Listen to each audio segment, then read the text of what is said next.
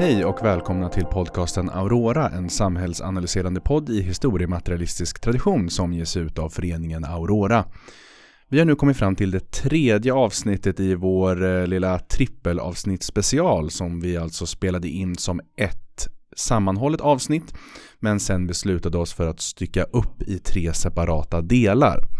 Första delen om Tesla-strejken och andra delen om kärnkraft och det finanspolitiska ramverket ligger ute i vår podcast-feed så kolla gärna in dem. I detta tredje avsnitt ska vi emellertid diskutera en nysläppt rapport om partisympatier hos olika väljargrupper från valforskningsprogrammet vid Göteborgs universitet. Och det är jag som heter Viktor Johansson som kommer göra eller har gjort detta ihop med Anders William Berg och när vi nu släpper in dig som lyssnar i samtalet så tar det vid där det senaste, den senaste podden slutade. Så god lyssning!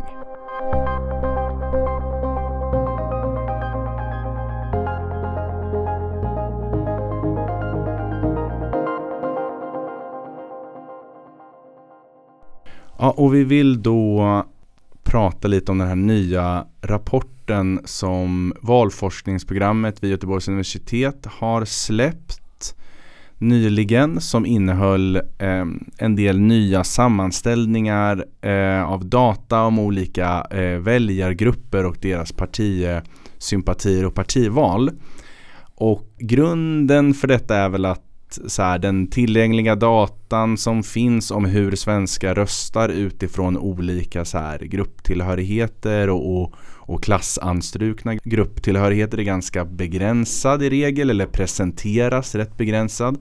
I vår efterklassvals, eh, an, eftervalsklassanalys som vi kallade den eh, när vi utgick från vad som då var tillgänglig data från SVTs vallokalsundersökningar då kunde vi i princip bara så studera klassröstandet utifrån att folk hade besvarat liksom självupplevd klass i tre så här ganska trubbiga kategorier. Arbetarklass, tjänstemän eller företagare. Tror att det var. Men i bland annat den här rapporten då så eh, presenteras, om inte mer utvecklade så lite andra och i vissa fall eh, lite mer specificerade kategorier om, om hur eh, olika kategorier har röstat och, och, över en längre tid än vad vi hade tillgång till då. Som vi tänkte kunde komplettera tidigare analyser lite. Eh, så, så, att det handlar då om som sagt om lite, mer, eh, lite andra typer och lite mer specifika grupper eh, och kategorier som vi eventuellt kan använda som lite proxy för klasskategorier vi har talat om tidigare som går lite djupare eller bortom den här bara självupplevda tredelningen av klass. Det här självupplevda tredelningen av klass, det behandlas ju också alltså, i den här studien. Uh, det här arbetare, ja. tjänsteman, företagare. Och jag skulle nästan vilja inleda med att säga någonting lite intressant om det där. För att det man pratar om, att, de pratar om sociala grupper om man mäter dem eh, och så vidare. Och man talar väldigt mycket om att klassröstandet har minskat, klassröstandet har minskat. det har inte samma betydelse som förut. Eh, och utan att egentligen riktigt kommentera på det så inledningsvis visar man att eh, av de eh, man tittar här på de största trenderna då av vad folk eh, hur korrelationen mellan olika sociala, vad de kallar det då, social grupptillhörighet och partival. Eh, klass är, utan att man riktigt kommenterar på det i texten, så klass är fortsatt den eh, som har absolut högst korrelation Eh, mm. mellan partival och social grupptillhörighet då. Även utifrån den här, för det är subjektivt definierat klass i bemärkelsen man har svarat i enkäter där man säger upplever du att du tillhör arbetarklassen, eh, känns, eh, att du är en arbetare, att du är en tjänsteman eller att du är en företagare. Även det är väldigt breda och sådär. Och då är det att eh, vissa forskare skulle vilja mena att objektiv klass, eh, arbetarklass kanske inte har krympt så mycket som man har sagt men däremot att subjektiv klasstillhörighet har krympt väldigt, väldigt mycket. Mm. Så det säger ju en del, men trots allt detta så är det inom statistik jag fått förklarat för mig av en av våra statistikvänner så brukar man säga att i den här sortens undersökningar så är det ungefär 0,3 alltså 30% man behöver nå upp till eh, korrelation eh, mellan de här, mellan då i det här fallet då social grupptillhörighet och partipreferens för att det ska vara någon slags minimigräns för en relevant korrelation. Korrelationen är eh, 0,27 bland klass och mm. lägre hos alla andra. Den enda som går, når över eh, 0,3 är eh, yrkestillhörighet då. Mm. Vilket är något man har eh, sett som, alltså det har behandlats som det, det är inte enskilda yrken utan det är typ yrkeskategorier och det är något som mm. är typ... kanske nästan ligger närmare objektiv klass egentligen, den här mm. subjektiva mm. självskattningen. Eh, så ja, korrelationen mellan klasstillhörighet och partival har minskat men the old school still rules. And I'm the fucking headmaster. och dessutom eh, tänkte jag är det väl så att i, alltså, i vår teoretiska utgångspunkt är väl dessutom att klassröstandet kanske inte nödvändigtvis har minskat eller försvunnit som alla säger. Men det är snarare så att de renodlade klasspartierna har försvunnit och att partierna nu är eh, så kallade klasskoalitioner. Mm. Vilket alltså innebär att det blir svårare då att se kanske Alltså här arbetarklassen har röstat på detta för, parti för att den, den är arbetarklass. Men Eh, det kan ju ha att göra med hur partiet, partierna har ändrats ja. och vilka de lockar idag. Därför är det intressant att se vilka grupper som tyr sig till de olika partierna och därmed utgör de här koalitionerna. Samt då vilka grupper som de olika partierna har kanske tappat på bekostnad av andra när de försöker upprätta och upprätthålla den här koalitionen. Och vi går ju igenom detta ännu mer Eh, detaljerat då i våra avsnitt som heter valspecial och den här eftervalsklassanalysen. Men här tänkte vi att vi kunde kika då på några av de här kompletterande grupperna hur de har röstat som vi inte hade lika stor möjlighet att undersöka närmre ja. då. Och man kanske kan säga något om de övergripande trenderna. Alltså för det första så är det att så här, eh, om man kollar på typ 60-talet så är det så här 90% eh, av eh, väljarandelarna, alltså andelarna av Socialdemokraternas väljare internt är arbetare. Nu är de ja, ner mot ja de är snart inte den största parten längre, arbetarväljare. Mm. Vänsterpartiet har skepet seglat för länge sedan, det är en stor dominans bland offentliganställda eh, chefs, mellanchefsyrken men särskilt då professionsyrken, mm. alltså yrken som kräver universitetsutbildning mm. eh, främst inom eh, ja, vad vi kan slarvigt kalla sociala ämnen, typ inom samhällsvetenskap och humaniora. Eh, vi ser att typ Moderaterna har ju såklart en så företagar och chefsdominans bland sina väljare men de hade en period där de sköt upp bland arbetare mycket. Mm. De första Reinfeldt-regeringen och så vidare tappade den bollen. Centerpartiet, jordbrukare har försvunnit men de är liksom, har försökt bygga en allians mellan typ företagare i större städer, högutbildade kvinnor mycket inom professionsyrken och så vidare. Och det är egentligen, man ska se det här som att det är här de gamla klasskoalitionerna där klassammansättningen var väldigt stabil som har börjat krackelera eh, och man har behövt kompensera för det här för att hålla vid liv. Alltså det finns egentligen mer partier än vad det finns fog för i en slags klassbemärkelse ja, just nu. Och dels då att den gamla basen dör, som i Centerpartiets fall, den dör ut. Bönderna och så vidare. Precis, som klass försvinner de alltså. De är en väldigt betydelselös mm. del av eh, befolkningen just nu.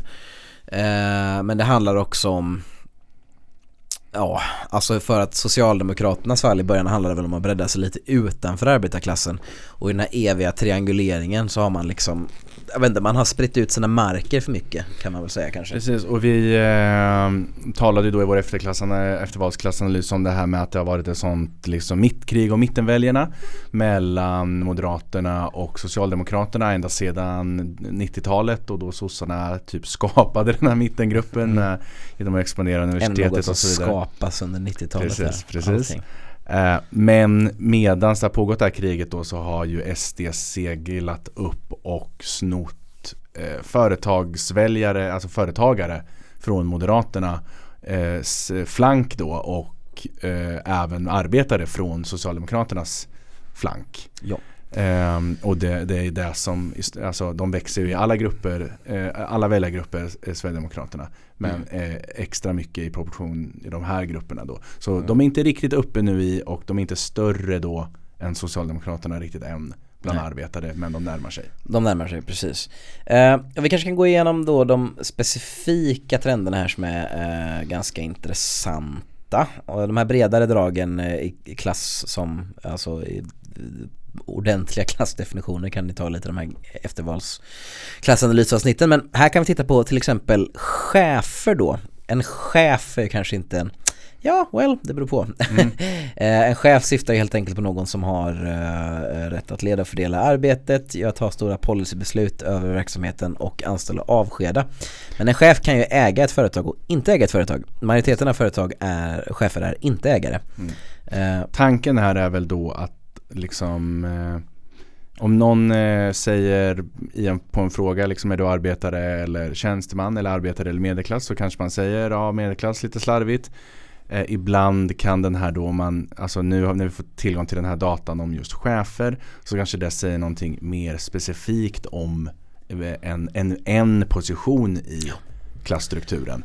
Eh, kommer väl hyfsat nära då som en proxy det som du tidigare kallat funktionärer Precis. och som du var inne på nu vissa eh, egenföretagare som då kanske också eh, identifierar sig som chefer eller vad man säga eller, eller blir eh, det. Eh, Precis, så det som borde ge utslag är, alltså om du tar en person som eh, alltså Jakob Wallenberg eh, som äger stora företag och har typ chefsbefattningar inom dem, mm. de är extremt få. Ja. De människorna är väl på sin höjd en halv procent av befolkningen. Mm. Så det som ger utslag när man talar om chefer här då är folk med delegerade chefsfunktioner Uh, och det är både inom privat och offentlig sektor mm. där det kan råda ganska olika chefskulturer. Och det kan vara uh, småföretagare då. Men det borde egentligen vara solida högerväljare. För även högre tjänstemål högt inom staten brukar vara, historiskt har de varit mer höger. Uh, ja. Men vad vi ser här då är att sen 2014 så har Socialdemokraterna gått från 15, eh, alltså andelen av nej, eh, partival bland chefer och eh, bland chefer då så är det att 15% av cheferna har velat eh, rösta på Socialdemokraterna vid 2014. De har nu gått upp mot 20% och det här får det jämföras då med samtliga väljare hela tiden. Mm. Det är det som liksom avgör om det är en överrepresentation eller inte och där när de nu är i som senaste då är de vid ungefär 30% ganska cleant då bland hela väljarkåren Socialdemokraterna. Så det är liksom en underrepresentation av chefer. Tänk om alla i Sverige hade tillhört chefsgruppen hade Socialdemokraterna haft 25% av de 30%. Det är en underrepresentation bland chefer. Mm. Men det är en väldig ökning. Om man skulle kunna På nästan alla de här graferna så går det ju ner för Socialdemokraterna eftersom att Socialdemokraternas väljare har sjunkit totalt. Mm. Men för cheferna går det upp alltså motsatt trend till den generella trenden. Precis. Så det här säger ju någonting om att sossarna mer och mer blir ett parti för cheferna. Ja, och 2010 när Reinfeldt 1 2 Reinfeldt 2 tillträder, precis. Så men då kan man säga så här, från 26 hos Moderaterna så har de ungefär 45% av cheferna. Fram till 2010 då, Reinfeldt 1 är populärt, då är de på över 50% av alla chefer. Alltså det är det, Moderaterna är chefernas parti. Mm. det är verkligen så här.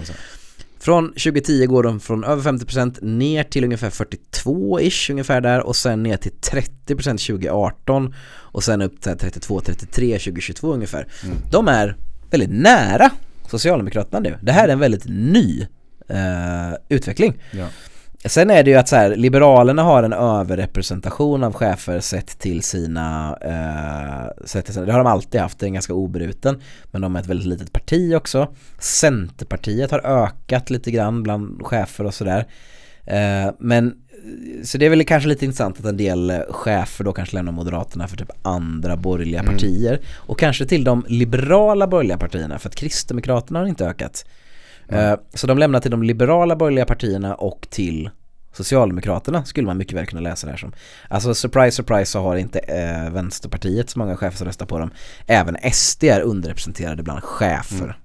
Alltså det är ändå ganska, det börjar likna någonting väldigt, väldigt historiskt i alla fall. Att Socialdemokraterna börjar gå i kapp Moderaterna. Inte gå i kapp är för starkt, men de börjar ändå närma sig. Alltså det är inte lika samma krypning som SD mot eh, mot SC arbetarväljare liksom. Men ja, för att ta det då, vi kan ju kolla här vart eh, S och SD är störst inom vilka, alltså man brukar, i SSIK så brukar man säga att de fyra sista är så här definitiva arbetaryrken. Mm. Eh, det femte sista, alltså SSIK Ja, eh, fem blir det väl helt enkelt. Eh, service, omsorgs och försäljningsyrken är väl lite så här the new working class. Där är SD Alltså SD har där bland servicearbetare då, service, omsorgs och försäljningsyrken så har de 24% eh, medan de i totalen har 20%.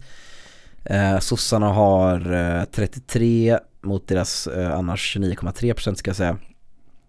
Eh, SD är dubbelt så stora bland yrken inom lant, gå, eh, lantbruk, trädgård och skogsbruk. Eh, SD har 39 eh, bland byggverksamhet, tillverkning, sossarna 29.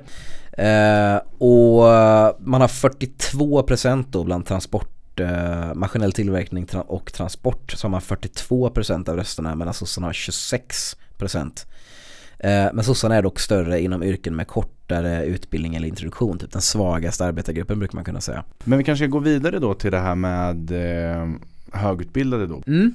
Eh, det, det är ju en annan Utbildning är ju inte klass Men eh, vi, som vi varit inne på i, i, i, några tidigare avsnitt Så är hög utbildning ganska mycket av en proffs, eh, proxy för den här liksom professionsgruppen i, inom, eller som grupp bland medelklasserna. Precis. Ja, för att förklara den här proxyn lite då. Alltså, när jag, när jag skrev den här om klasserien, eh, om arbetarklassen, då kan man mäta, då hade, finns ett marxistiskt klasschema som jag utvecklade där för att mäta objektiv klass, alltså yrken som objektivt eh, tillfaller arbetarklassen. Om man vill se hur det tolkas får man läsa den serien.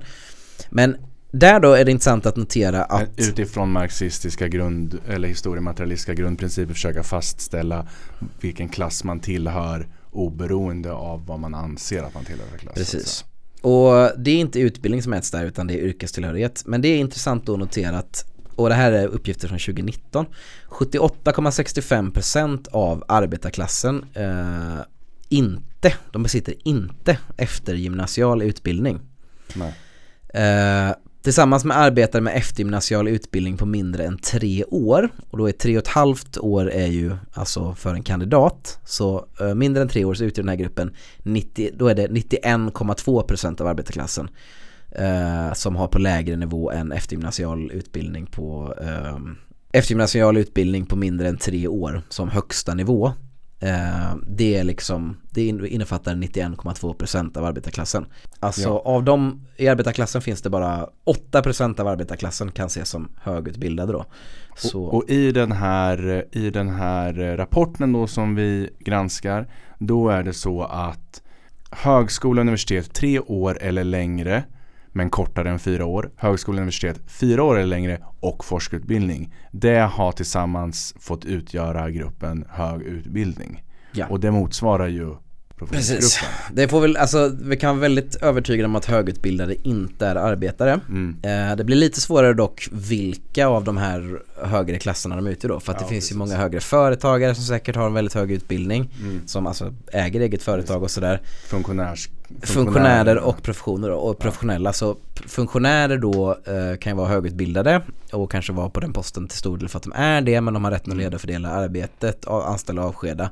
Men det har ju inte Nej. många professioner då till exempel. Men, men, det, är en, det är en ganska bra proxy för hela den gruppen som, eller för, för medelklasserna i mm. din mhm. klassstruktur. Eh, om man ska ta dem sammantaget. Sen har de interna eh, eh, inte gemensamma intressen internt. De Nej, utgör på precis. så sätt ingen klass. Men Precis, men den, eh, ska man säga, bredare koalition ja. som inte tillfaller arbetarklassen i alla fall. Ja, men vi tittar på det här. Det, finns, det är en ganska lång serie. Den sträcker sig från 64 till idag. Sen så är det först, eh, det framgår här lite i kommentaren, att det är kanske vid 76-ish. Eh, det börjar bli mest pålitligt eh, av lite tekniska skäl. Mm. Jag tror men, man frågade om generell var universitetsexamen eller inte tidigare för att det var så liten andel som precis. på universitet. Sen är det mycket så universitetsreformer och så den här tiden så det ändrar ju lite vad det är man faktiskt svarar på. Men en intressant sak är att Vänsterpartiet har från ja, 79 då, de har alltid varit väldigt, väldigt överrepresenterade bland högutbildade. Eh, det är egentligen det enda när det typ försvinner är under 90-talet då de Ja, det är deras bästa valår förutom direkt efter andra världskriget när de mm. växer bland samtliga grupper så att de här, de krymper inte bland högutbildade, ja de växer där till och med, men det liksom jämnas ut. Mm. Uh, och ligger hyfsat jämnt ett tag men nu är de back to their old tricks och det är en väldigt mycket högre andel uh, högutbildade eh, jämfört med övriga väljare i partiet. Så då. 10% av alla med, med eh, genomgången forskarutbildning röstar på Vänsterpartiet och det är ju eh, mm. samtidigt som, Precis, samtidigt som de har 7% då i, Eh, alltså bland alla ja, utbildningsgrupper då, alltså även om man för, om för 2022 kan vi säga så här grundskola kortare än nio år, eh, där är det bara 3% som röstar på Vänsterpartiet mm. till exempel. Eh, och de stiger ganska, alltså med utbildningsnivåerna så stiger de ganska eh, stadigt liksom. Men alltså det är ett väldigt högutbildat parti eh, i alla fall. Socialdemokraterna, väldigt väldigt intressant. Socialdemokraterna har eh, historiskt haft eh, väldigt låg andel högutbildade. Mm. Det har också att göra med att de har haft så jävla många väljare. Mm. Eh, men alltså andelen av de, det här är inte bara liksom en utjämningsgrad, andelen av de högutbildade har eh, gått eh, jättemycket eh, mer till Socialdemokraterna. Ja. Och de är nästan nu helt liksom i linje med eh, deras eh, samtliga väljare liksom. De har börjat jämna ut det här eh, totalt. Moderaterna har börjat jämna ut från andra hållet. Alltså de är lika, lika många hög eh, utbildade röstar på Socialdemokraterna ungefär eh, alltså som andel av de högutbildade, som andel av hela väljarbasen. De har gått från att vara underrepresenterade till normalrepresenterade, Precis. Socialdemokraterna. Eh, och Moderaterna har gått från att vara överrepresenterade till normalrepresenterade. Mm. De har jämnat ut de här partierna och det här är väl mycket eh, kriget om mittenväljarna eh, och sådär. Jag vet inte vem man ska se det som störst problem för eller så. SD är de som har störst glapp i underrepresentation och har haft det under lång tid. Och högst glapp är eh, mil, eh, överrepresentation är Miljöpartiet. Att de har så st stark underrepresentation hos Sverigedemokraterna Alltså många, man brukar skoja om det eller säga det då att ja, men så här, de högutbildade, de smarta röstar inte på SD men det säger väl snarare mer bara någonting om, om alltså att Sverigedemokraterna inte är ett parti för de högutbildade. Nej. Liksom, helt enkelt. Alltså ja, det, precis, det tjänar, det, folk får säga att ja, de är då för smarta för att inte rösta på dem eller det är trash, ja, man är lurad och man inte men, eh, Men om man vill... de, de är ett parti som vänder sig till andra ja. samhällsgrupper. Om man vill ha ett intresseperspektiv på politik istället. Att folk ja. röstar inte utifrån, folk röstar utifrån vad som ligger i deras intresse. Och de röstar nog helt korrekt. Det ligger inte i högutbildades intresse generellt Nej. att rösta på Sverigedemokraterna. Um, och i alla fall folk som har jobb som kräver en högre utbildning. Det ska man också komma att alltså, tänka på att man kan ha hög utbildning men uh, ja, alltså, det blir ju en väldigt bra proxy för arbete i alla fall. Mm. Eftersom att 92% av arbetarklassen har inte eh, hög utbildning överhuvudtaget. Alltså inte att de, deras jobb kräver en hög så, men Socialdemokraterna då kanske det uppfattas av de högutbildade som att de driver en politik då om man har det här intresseperspektivet på politik som gynnar det som man kan arbeta med mm. som högutbildad. Precis. Och vissa av SDs eh, liksom förslag och reformer och kritik mot vissa liksom etablissemangsyrken och så vidare uppfattar man ju då liksom inte vara i ett intresse, ens intresse att rösta på. Och där finns säkert, det framgår inte just här men en alltså fraktionell uppdelning. Det är kampen om mittenväljarna och de här mittenväljarna är ofta så här liberala väljare i storstäder och så vidare. De är ofta högutbildade. Och här finns det säkert en uppdelning av dem internt hur, alltså folk som kanske jobbar i en privat sektor, ja, inom teknik, typ och sådär vänder sig mot Moderaterna och så offentlig sektor inom mycket så här sociala professionsyrken och sådär vänder sig till Socialdemokraterna. Det är mycket annan forskning som pekar mot det här liksom. Mm. Uh, så där... men, men, det är ju tänkbart då att, som vi var inne på, högutbildade eh, och chefer eh, ser eh, eller har mer och mer sett så, liksom Socialdemokraternas framtidsvision som sin framtidsvision. Ja. Som, som gäller vart man har en plats, vilket samhälle man har en plats i. Mm. Så att säga.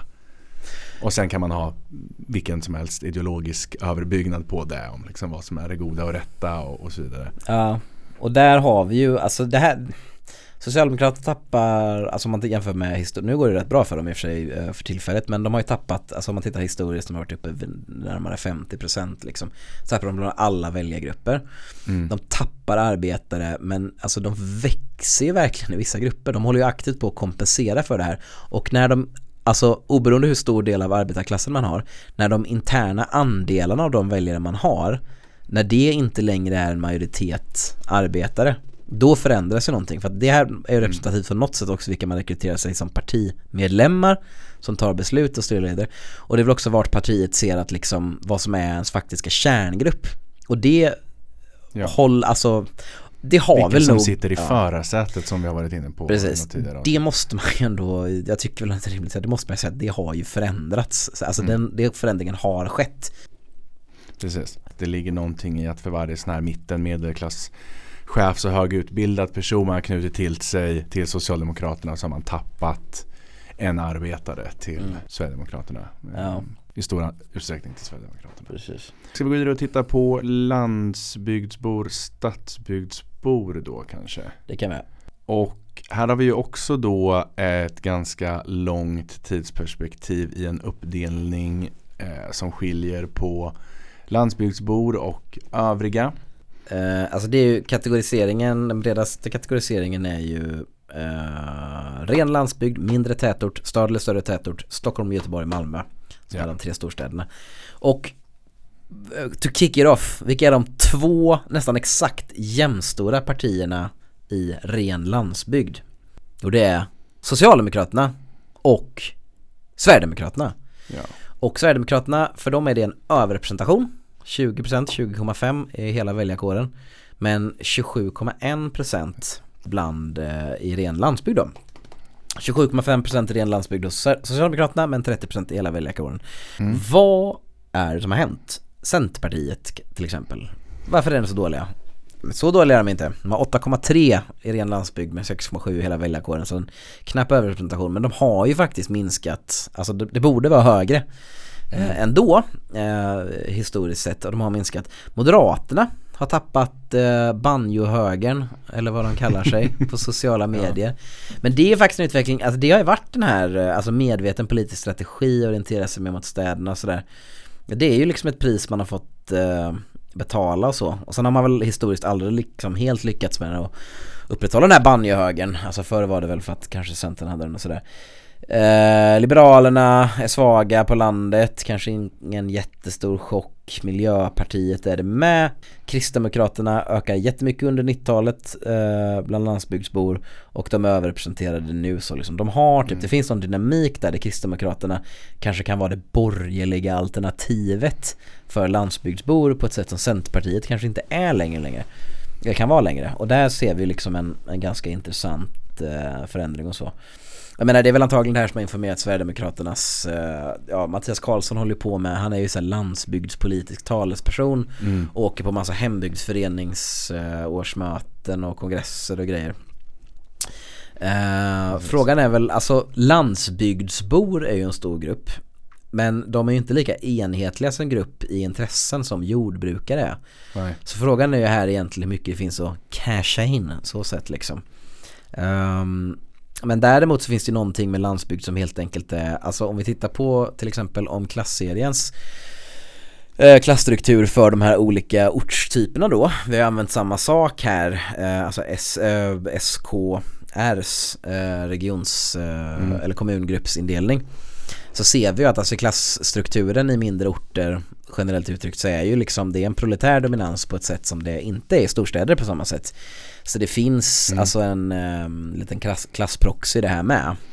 Just det, uh, Landsbygd betyder mycket liksom arbetare och, och, men också kanske småföretagare liksom och sådär. Precis. Det är arbetare och småföretagare är ju så här grovt mm. uttryckt är det liksom det vi pratar om i högre högre grad. Och alltså i ren landsbygd så är professionsgruppen ganska obetydlig. Ja, precis. Eh, det blir väldigt, väldigt, och det är av helt naturliga skäl. Alltså om det inte finns ett sjukhus kommer det inte ha en läk- lika många läkare där liksom.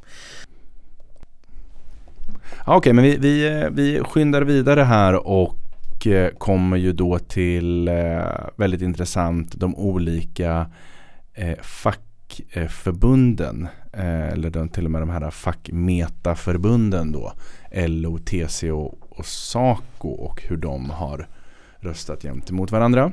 Ska vi börja med LO? Det finns ju en tabell här som eh, ställer dem mot varandra. Eh, det kanske det är, väl det är ju bara det senaste valet. Men, Precis, men det kan vara bra intressant att börja absolut. hur det ser ut idag då. Alltså 2022 eh, så ser vi då, det är det här vi pratar om hela tiden då. LO-medlemmar är inte samma sak som arbetarklassen eh, i Bridmon. Um, men är ganska bra. LO-medlemmar är en väldigt bra proxy för arbetarklassen i snäv mening egentligen. Mm. Alltså för att du, uh, de yrken som LO organiserar är ju mm, ja, till en bra bit över 90% det som faller inom arbetarklassen, alltså i SSYKs sätt att, Ja precis. Och det är schemat vi har så. Så och, LO här skulle vara liksom, um, är ju, alltså att, att, en person har sagt jag är med i LO och jag röstar på detta är ju en bättre indikator på mm. dens objektiva klass än om den säger jag är arbetarklass eller jag är Precis. tjänsteman. Och det finns ju massa arbetare som inte är med i LO. Mm. Eh, men det spelar ingen roll för att Nej. de som LO organiserar eh, till de här grupperna. Däremot, eh, till exempel här ser vi att Vänsterpartiet har en överrepresentation bland LO-väljare. Uh, och då kan vi tänka oss ett, det kanske mm. är mer typ vänsterideologiska arbetare, är väl, är väl vara med, med mer mm. i LO. Men även som vi såg, uh, som vi pratade om det tidigare, alltså typ Ja, service, vård omsorg, alltså då är det ju Kommunal och sådär. Kommunal är mm. största medlemsförbundet. Uh, så sånt där kan nog spela in lite grann så. Men ja, uh, L, Vänsterpartiet är starkare hos LO-medlemmar än vad de är i arbetarklassen. Och Socialdemokraterna då har 39,4% av LO-väljarna mm. eh, Vilket är ju en liten återhämtning från senare De har varit nere på så 33 typ eh, Och de har 29,6 av samtliga väljare 2022 SD har 30,2% och bland hela väljarkåren 20,8 så de har minskat lite lite grann Mm. Nu är Socialdemokraterna opposition, man växer i opposition om man beter sig korrekt i alla fall. om man inte beter sig dåligt. Ja, det är väl eh, alltså det har väl, jag vet inte, det måste väl vara Reinfeldt 1 typ, de enda som verkligen har mm. växt mm. jättemycket i en mandatperiod. Ja, precis. Sen är det så här, det är ganska kul bara att titta på att Liberalerna har så 1,4% av, mm. eh, av alla LO-väljare. MP har 1,6 och C 1,9. KD har ju 4,6 liksom. Så de, ja, ändå, eh, och de har 5,5 hela väljarkåren. Det är ganska roligt, svagare med. Moderaterna har 8,9 mm. och 19,4% i det, det, det gamla arbetar Ja, de har ändå varit större än Vänsterpartiet inom, mm. eh, inom LO en gång i tiden. Det har de tappat. Och det kan vi tacka SD för. Så jag menar, där, där får du den generella bilden. Sen TCO då. Är också, det här blir jävligt luddigt men alltså här kan vi kanske tala lite om de svaga professionerna, medelprofessionerna. Det, ja. det är svårt att empiriskt exakt dra de här gränserna. Eh, generöst räknat. TCO och Saco är ju lite så här konkurrerar ju om de här medelklass. Men Saco måste man väl ändå rimligtvis kunna säga har mer av en så här, om man ska använda det slarviga begreppet, så här, övre medelklassprägel än vad TCO har. Ja. Måste man väl ändå kunna säga. Absolut. Även om det är ännu svårare där än att jämföra med LO. Men ja. Eh, Vänsterpartiet har 10,6 i Saco, 8,7 i TCO då. Eh, så de är ganska starka i Saco. Eh, Sossarna har 28,2 i Saco och 34,5 i TCO. Eh, så de är, det enda de är underrepresenterade är Saco men det är med alltså 1,4% de är underrepresenterade. SD är assvaga i Saco, de har 7% de har 16,3% i TCO. Moderaterna eh, har 17,5 De är underrepresenterade i alla fackföreningar men starkare i TCO och SACO. Eh, och så håller det på. Alltså typ det är intressant Centerpartiet är så starka i SACO som de är och Miljöpartiet. Där tror jag att de tävlar lite på samma arena. Jag talar att det är högutbildade kvinnor brukar de här två partierna ofta sticka ut i och konkurrera om. Och Saco är, ja, inte alla men de flesta i Saco är det så statligt anställda, högt utbildade. Eh, mm. Och där har vi lite Centerpartiet har verkligen bytt ut sin väljarbas väldigt mycket där liksom eh, mot den här sortens grupper och så. Och jag menar om vi då tittar på företagar och arbetsgivarorganisationer eh, Moderaterna såklart starkast 36,3 Överlägset starkast är hälf, dubbelt så mycket stora som SD. Ja. Eh, nu sitter vi och rabblar upp statistik här väldigt mycket men, men för att, det kanske behöver göra lite för att återkoppla lite Det är intressant att Liberalerna har ändå typ periodvis varit det borgerliga partiet. Frågan är ju lite vem Liberalerna ens är till för nu alls. Mm. Alltså de, det är konstgjord andning, att de finns kvar typ väldigt mycket så det är väl kanske inte så konstigt. Men Moderaterna har eh, bland medlemmar i de här arbetsgivarorganisationerna så är de absolut störst då. Och det är intressant och samtidigt pratar man att SD håller på att stjäl välja från dem. SD har ändå 18, mm. pretty good. Exakt. Men eh, det är en underrepresentation sett deras. Bättre, eh, bättre än social, mycket bättre än Socialdemokraterna liksom. Till ja, mycket bättre än Socialdemokraterna. Så de har ju växt väldigt raketartat med underrepresenterade fortfarande. Sen när man tittar på typ andra sätt, bara företagare generellt, typ vissa mindre företagare, brukar de vara ännu större. Mm. Eh, jo, så, så, även om de är lite, alltså man ska nog ta det här på ganska mycket allvar liksom. Det finns ju en grupp här som är ej medlem som är då liksom om man har svarat mm. att man inte är medlem i någon eh, fackarbetsgivare eller yrkesorganisation och där är ju SD då överrepresenterade gentemot eh, samtliga väljare Mm. och så att eh, och där kan jag tänka att en del eh, småföretagare som inte är med, med i någon företagarorganisation Mm. hamnar också. Ja, alltså det är definitivt, ja, fast det kan ju mycket väl vara alltså ej LO-anslutna arbetare liksom. Jo precis. Det, precis. Det finns ju lite den här avpolitiseringsgrejen mest när man pratar om att man är missnöjd med allt och att man kanske drar sig tillbaka. Det är mycket så att SD läser dagstidningar mycket mindre, Mm. typ och sådana saker.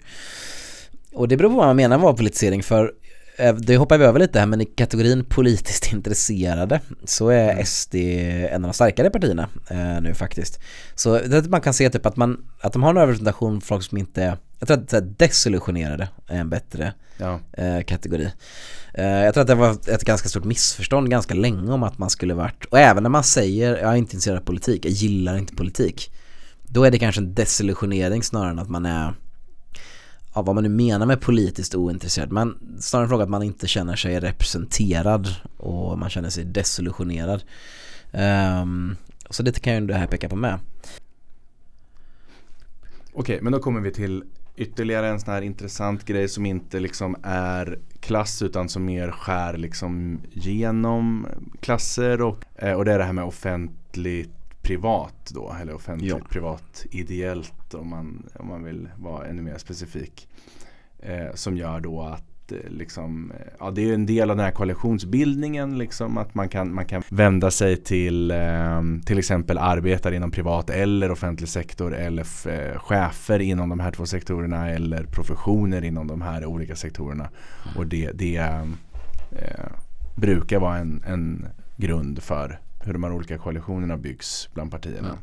Och grejen är att det är egentligen inte så jättemycket eh, som förvånar här. Det bekräftar väl egentligen, alltså det är en höger-vänster grej. Vänsterpartiet och Socialdemokraterna är överrepresenterade eh, bland offentliganställda och underrepresenterade bland privatanställda. Men en intressant sak är att från och med 2010 så vidgar det här gapet väldigt mycket för Socialdemokraterna. Alltså de är väldigt överrepresenterade bland offentliganställda och eh, ja, ändå markant mer eh, underrepresenterade bland privatanställda. Och då kan vi tänka att en stor del måste ju varit privatanställda arbetare inom industrin och så vidare. Vi har gått igenom lite vad som hände med dem 2010. Så det här är SD on the, on the go eh, och så vidare. Eh, Så det vidgas eh, ganska mycket. Och vi pratade om det här tidigare, liksom typ arbetarklassens förhållningssätt till välfärdsstaten till exempel. Alltså om du är en privatanställd arbetare så är du antagligen väldigt inställd till välfärd kan det vara för det är en mycket effektiv lösning på många av dina så här, sekundära bekymmer, alltså reproduktionen av ditt liv, inte liksom din Mm. lön och så. Men du är en konsument av välfärden. Eh, Mm. Du är intresserad av att vissa specifika, en smal del av den offentliga sektorn ska funka. Ja. Medan du som offentliganställd byråkrat kanske bara vill ha en bred offentlig sektor överlag. Och medan du som arbetar inom den offentliga sektorn kanske har liksom en mer böjelse för att ah, okej jag jobbar inom vården så det är väl vården i första hand, jag är undersköterska liksom. Men du kan ju ha större sympatier med andra inom offentliga sektorn, andra klasser inom offentliga sektorn generellt liksom. Ja, eh, och att det kan bli liksom en splittrande linje i arbetarklassen. Och sen är det samma sak, alltså Moderaterna är överrepresenterade bland privatanställda, underrepresenterade bland offentliganställda. Det var ganska jämnt det gapet men det är ganska stort gap. Eh, SD i sin begynnelse är typ jämnstarka. Mm. Men har en viss överrepresentation bland privatanställda sedan hela tiden och ganska rejäl, ja, relativt rejäl underrepresentation bland offentliganställda. Mm. Så de blir mer ett högerparti i den här bemärkelsen över tid. Och de har ju, ja, precis om man kollar på deras politik så har de ju liksom gått mer åt höger i det. Att vara kritisk mot ja, offentlig verksamhet kanske överlag. Ja. Även om man har den här slagsidan mot så här, eh, vad man upplever vara mer flummiga delar eller improduktiva delar av offentlig sektor. Ja. Inte kärnuppdragen och sådär. Alltså det mest betydelsefulla, och det är lite söndertjatat kanske men det är ändå väldigt betydelsefullt Det är svängningen runt Academedia och sådär liksom Alltså Mm. friskolelobbyn Att där var man ju lite kritisk först Man har släppt det Men sen är det det här med allmänna som du är inne på just att alltså man har typ så här, ja det är för mycket flum typ Och det är det man pratar om Ehm, Och det, det är intressant här, jag tänkte också på det för att det är ehm, Det finns en tredje kategori här i rapporten som är liksom ideell organisation typ och där är ja, framförallt eh, Vänsterpartiet och tänkte, eh, Ögonen gick direkt till Miljöpartiet. Ja, tänkte, Vänsterpartiet och Miljöpartiet väldigt överrepresenterade där och det går ju en linje här ja, från Vänsterpartiet här, mer än Miljöpartiet faktiskt. Precis. Högutbildade eh, personer eh, som eh, jobbar inom den här sektorn med sina, eh, vad ska vi kalla det för att vara diplomatiska, lite oklara universitetsexamina mm. och rösta på Vänsterpartiet för, för att de vill kanske det som liksom vill anslå mest pengar till den här sektorn baserat på att det är den här sektorn man typ hittar jobb eller, eller driver eh, ideologiskt så här, progressiva frågor feminism, eh, liksom antirasism och, och, och hbtq-frågor och sådär. Mm. Så på det sättet hör det här liksom ihop liksom ideologiskt men med ens typ rena klassintresse mm. och vilket parti man då röstar i större utsträckning på. Precis, det blir ganska friktionsfritt klassintresse typ liksom. Mm. Alltså det är den ideologiska och liksom Men man säger nog att man röstar på Vänsterpartiet för att man är liksom tror på deras progressiva värderingsfrågor. Men om man ska liksom syna det mer cyniska klassintresset så är det också för att så här, det finns en plats för mig och min mm. Liksom luddiga konstvetarutbildning i mm. eh, den värld som Vänsterpartiet vill bygga upp med en stor ideell sektor mm. som ha, driver de här frågorna på, eh, ja, med hjälp jag, av transfereringar. Jag har faktiskt inte pratat så mycket om just det här med ideell sektor så mycket förr podden men det är faktiskt ganska intressant att mm. det är just där de är så starka. Så, för att det är ju en, eh, ja det är en ännu mer liksom på många sätt kan det vara en ännu mer kravlös värld typ än uh, offentlig. Alltså mm. jag jobbar i offentlig sektor, jag ska inte säga att det är kravlöst i offentlig mm. sektor. Men av de jobb som är kravlösa, potentiellt kravlösa ja. så finns många av dem i offentlig sektor. Det är fan inte kravlöst att alltså, jobba liksom inom LSS eller äldreomsorg och sådär. Det är snarare resurslöst om inte annat liksom. Mm. Men ähm... Jag däremot har jobbat stora delar av mitt yrkesliv inom ideell sektor ja. och har en sån här luddig universitetsutbildning och vet också att inom de här organisationerna så fro, lever och frodas liksom den progressiva ideologi som hör till typ Miljöpartiet och Vänsterpartiet mm. Eh, och vänstersocialdemokratin kanske. Ja. Um. ja, för socialdemokratin är ju ja, de har 30% till av väljarkåren och 36 ideella organisationer. Mm. Eh, så de är starkare. De är väl eh, ännu starkare kommunal sektor. Eh, men det, det, det finns Precis. nog där med kan jag tänka mig. Moderaterna är väldigt svaga ideellt. Ja, SD är alltså halverat stöd inom ideell sektor.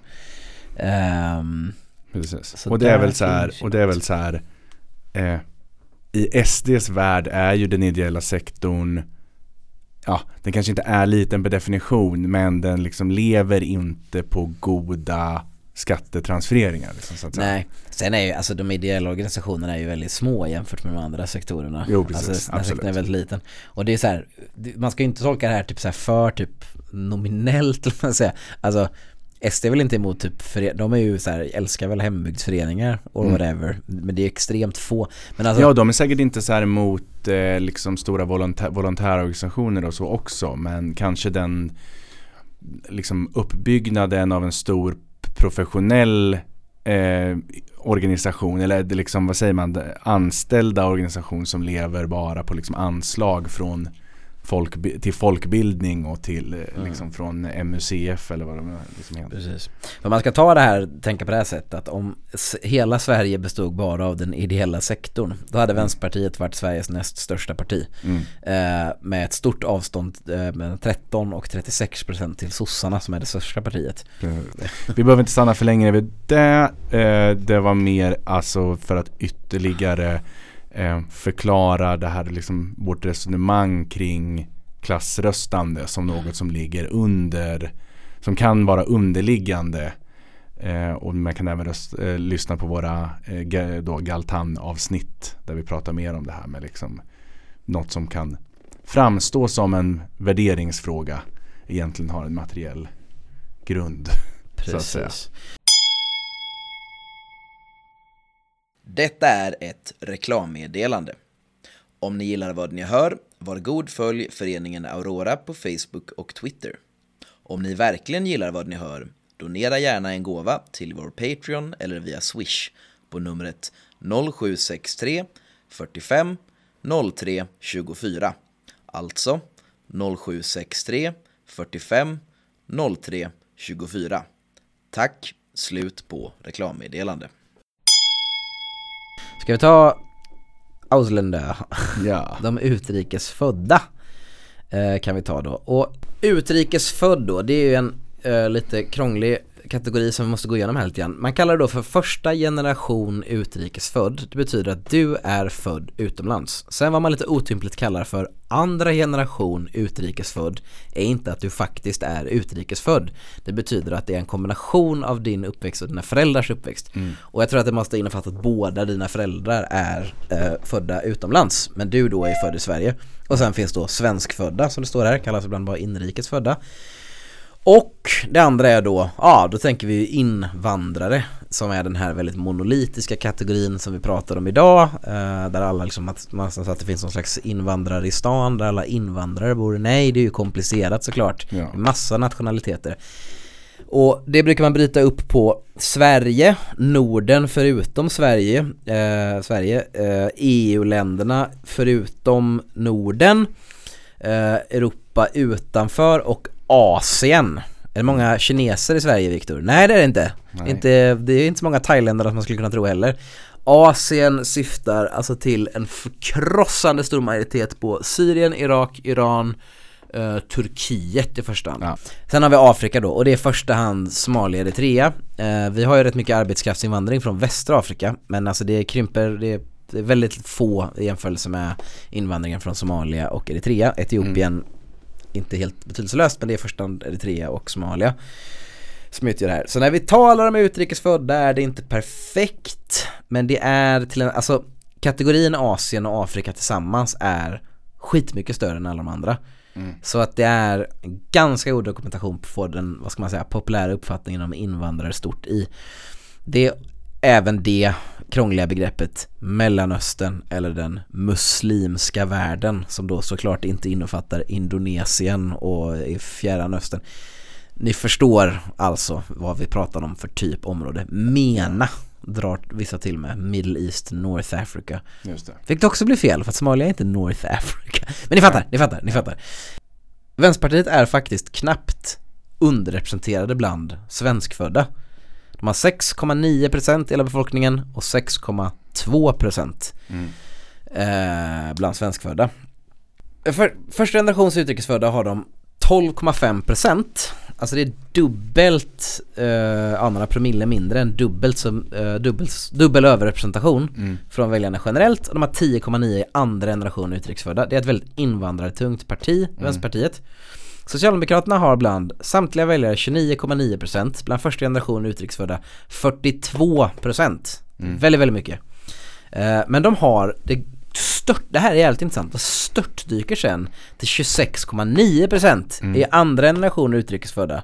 Alltså det är en underrepresentation. Och de har 29,6 svenskfödda så det är nästan perfekt representation. Men alltså det här har jag, det är väldigt lätt att läsa det här som att det är första generationsinvandrare är typ alla socialdemokrater. Och sen när man väl har varit i Sverige ett tag så är det Fuck you, I made my, I got mine, jag är inne, stänger dörren bakom sig. Ja. Lite grann så.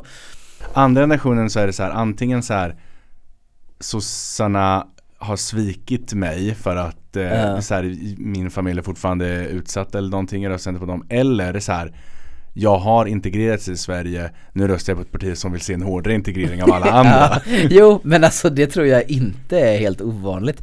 Men det kan också vara, det kan också vara, jag ska vara ännu mer real, så att du ser på att Miljöpartiet är lite överrepresenterade med en procent Mm. bland andra generation.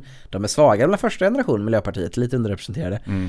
Eh, och Vänsterpartiet är svagare. Men för att komma till det intressanta här då, SD har 20,4% bland samtliga väljare, Mm. 13 första generation utrikesfödda, men 18,9 Mm. underrepresenterade men de växer ju. Alltså man kan ju se det här som att de växer ju i takt med att invandrare blir mer svenskar liksom. Mm.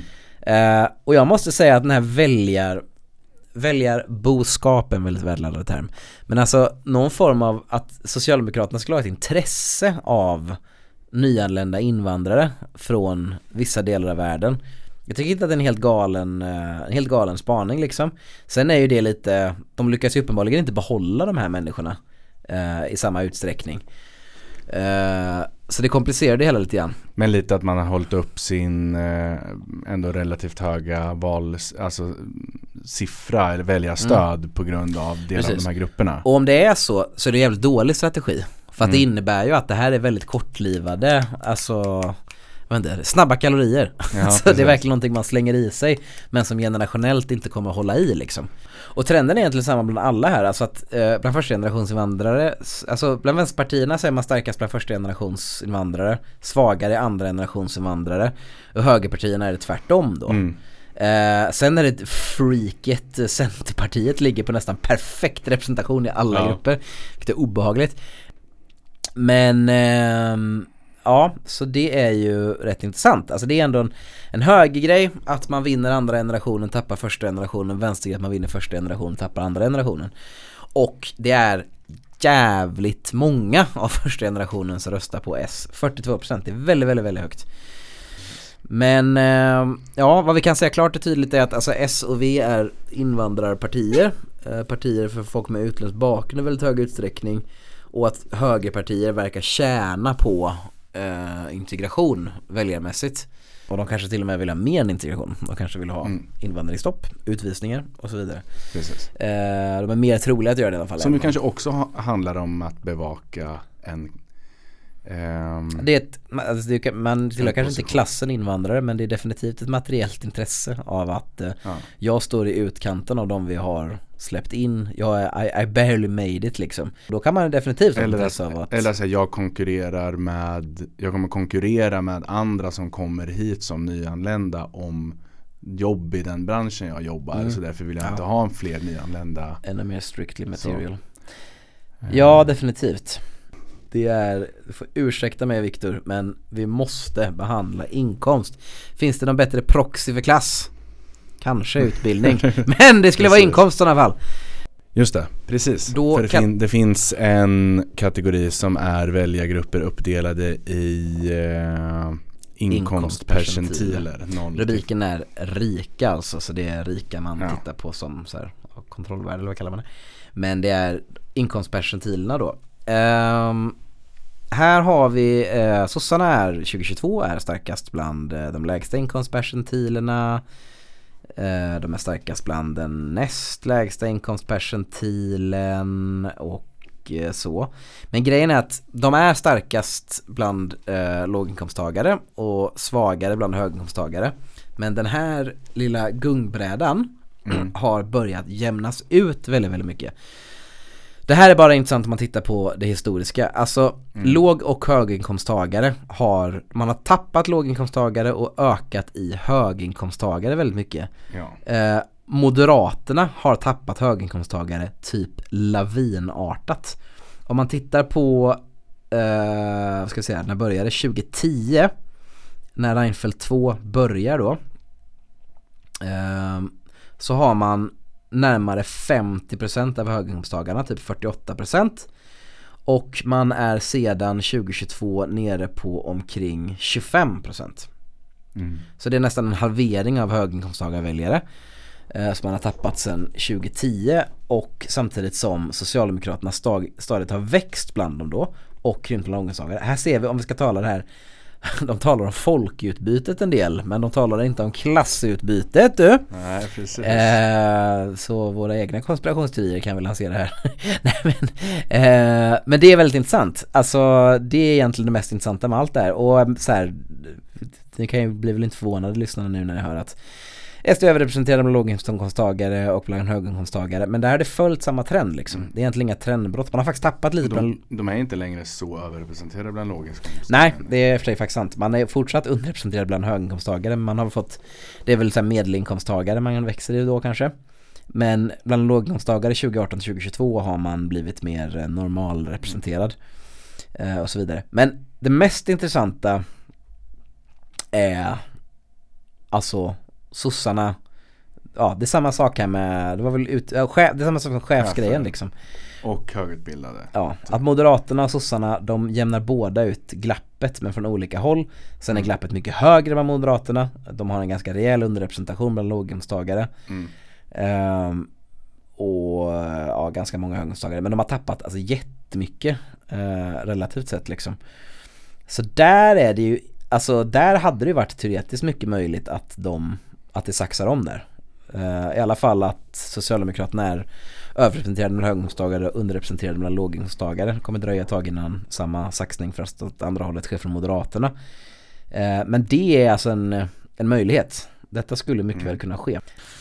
Så eh, ja, there you go, lyssnare. Verkligen. Vi har nu eh, sifferonanerat järnet här och det eh, är väl inte för alla men det är för vissa Ja. och vi tycker att det är väldigt roligt att göra detta och eh, spekulera lite, skjuta lite från höften. Eh, ja, Just det här ska bli väldigt intressant att se hur du klipper det här Viktor. om det är lyssningsbart överhuvudtaget. Om det är total opoddbar sifferautism så får ni kanske det här som en bonus-bonus då. Precis. Istället för att besvika er med att det här är ett enskilt avsnitt. precis. De här siffrorna, graferna gör sig inte alltid jättebra liksom i ehm, i tal så men eh, man kan alltid zona ut lite och sen kan man komma tillbaka in eh, i resonemanget när vi liksom pratar om, eh, drar mer av liksom politiska Det är så här, första regeln i marknadsföring är självförtroende typ. Ja, vi bara så här, ah, förlåt för vad vi har gjort. Men vi ursäktar inte för vi tycker att det här är jätteintressant Ja. att prata om. Däremot har vi vetskap om att det kanske inte blir så bra radio eventuellt och då släpper vi det Precis. som en bonus. Precis och eh, framförallt så eh, tror jag att det är ganska få aktörer som skulle diskutera de här eh, tabellerna och graferna och den här rapporten i de termer vi gör. Så där har vi kanske något typ av liksom politiskt, analytiskt, teoretiskt bidrag att göra. Och med alla de brasklapparna eh, så säger vi tack för att du har lyssnat. Eh, tack Anders för att du, eh, ditt väl förberedda arbete inför detta och vi på Aurora önskar god jul och på återhörande. På återhörande. Du har lyssnat på Aurora Podcast, en podcast från föreningen Aurora. Föreningen Aurora bedriver studier och forskning i en historiematerialistisk tradition. Om du vill lära dig mer om denna tradition eller vara en del av att utveckla den, kontakta gärna föreningen på vår hemsida, www.foreningenaurora.com. Kontaktuppgifter hittar du under fliken Kontakt och medlemskap. Introduktionsvinjetten gjordes av Viktor Tover Strid. Följ Viktors spelföretag och Interactive på Twitter och hans personliga Twitterkonto @skojaaldrigpapi. Mitt namn är Anders William Berg och jag vill som föreningens ordförande tacka dig för att du har lyssnat. På återhörande.